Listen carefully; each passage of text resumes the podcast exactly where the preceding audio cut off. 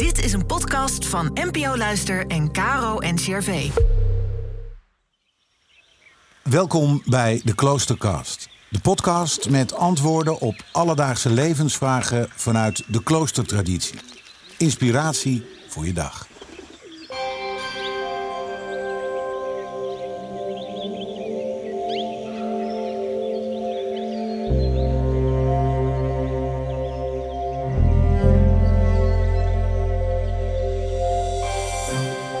Zuster Monica Razen is canonicus van het Heilig Graf. Een kloosterorde die leeft volgens de regel van Augustinus.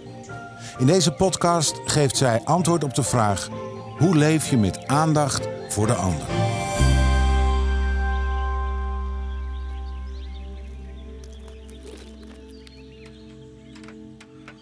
In de regel van Augustinus lees ik: Leef dus eensgezind en in harmonie en eer in elkaar God.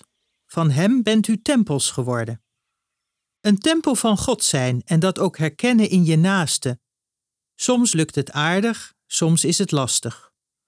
Hoe dan ook, vraagt het om aandacht te hebben voor wat je doet en hoe dat overkomt bij de ander. Als we dat allemaal doen, dan zijn we eensgezind en kunnen we in harmonie leven. Maar hoe weerbarstig dit is, blijkt uit de realiteit van elke dag. God in elkaar eren is voor velen een idee waar men niets mee kan. God is niet trendy en wordt liefst afgedaan als niet bestaand, zodat je er ook niets mee te maken hoeft te hebben. De Bijbel zegt: God is liefde. En Augustinus zegt: liefde is God. Met het begrip liefde kunnen we meer dan met het begrip God, althans, dat denken we. Liefde, echte liefde, dus niet alleen dat romantische gevoel, vereist nogal wat. En wat is dat dan eigenlijk, die liefde? Liefde zou onvoorwaardelijk moeten zijn. Dus niet, als jij dit voor mij doet, dan doe ik dat voor jou. Nee, onvoorwaardelijke liefde vraagt van mij te zien wat jij nodig hebt en er dan te zijn voor jou, hoe en waar dan ook. Dat betekent ook dat ik aandacht heb voor mijn naasten en niet alleen op mijn eigen behoeften gericht ben.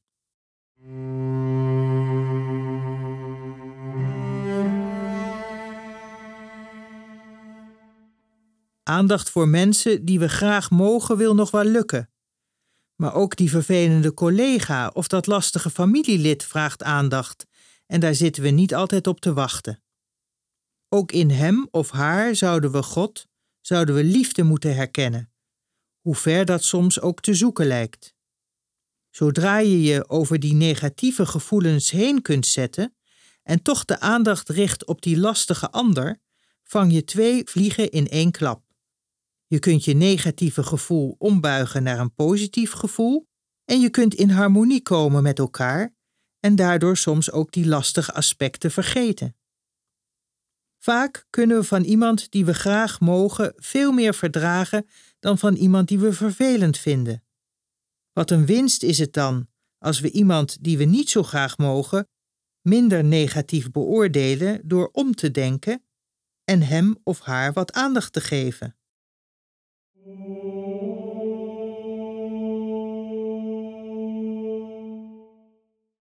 Lukt mij dit altijd? Nee, helaas niet. Ik doe hard mijn best, maar soms lukt het niet. Gelukkig kunnen we altijd weer opnieuw beginnen, want opgeven is geen optie. De aandacht voor mijn eigen gedrag en voor die andere persoon moet in beeld blijven. Maar regelmatig lukt het wel. En wat een vreugde geeft dat, zowel bij jezelf als bij die ander. Het geeft een gevoel van innerlijke vrede met de situatie, een harmonieus gevoel, een godsmoment, waarin je liefde voelt zoals liefde bedoeld is. Liefde is God. Je hebt God geëerd in die ander en bent daardoor zelf nog meer die tempel van Gods geest geworden, die we mogen zijn in harmonie met de mensen om ons heen. Aandachtig leven, gericht zijn op je omgeving en op een ieder die daarin vertoeft. De onvoorwaardelijke liefde, die we God noemen, handen en voeten geven in ons doen en laten. Het is niet eenvoudig, maar wel te doen.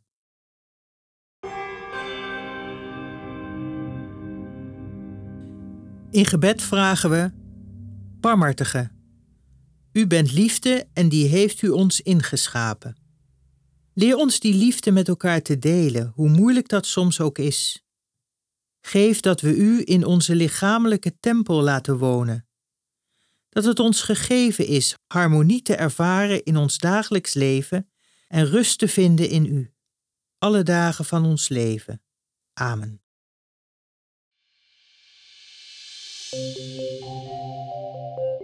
In de volgende aflevering vertelt Franciscaan Hans-Peter Bartels over het vrije leven in een klooster.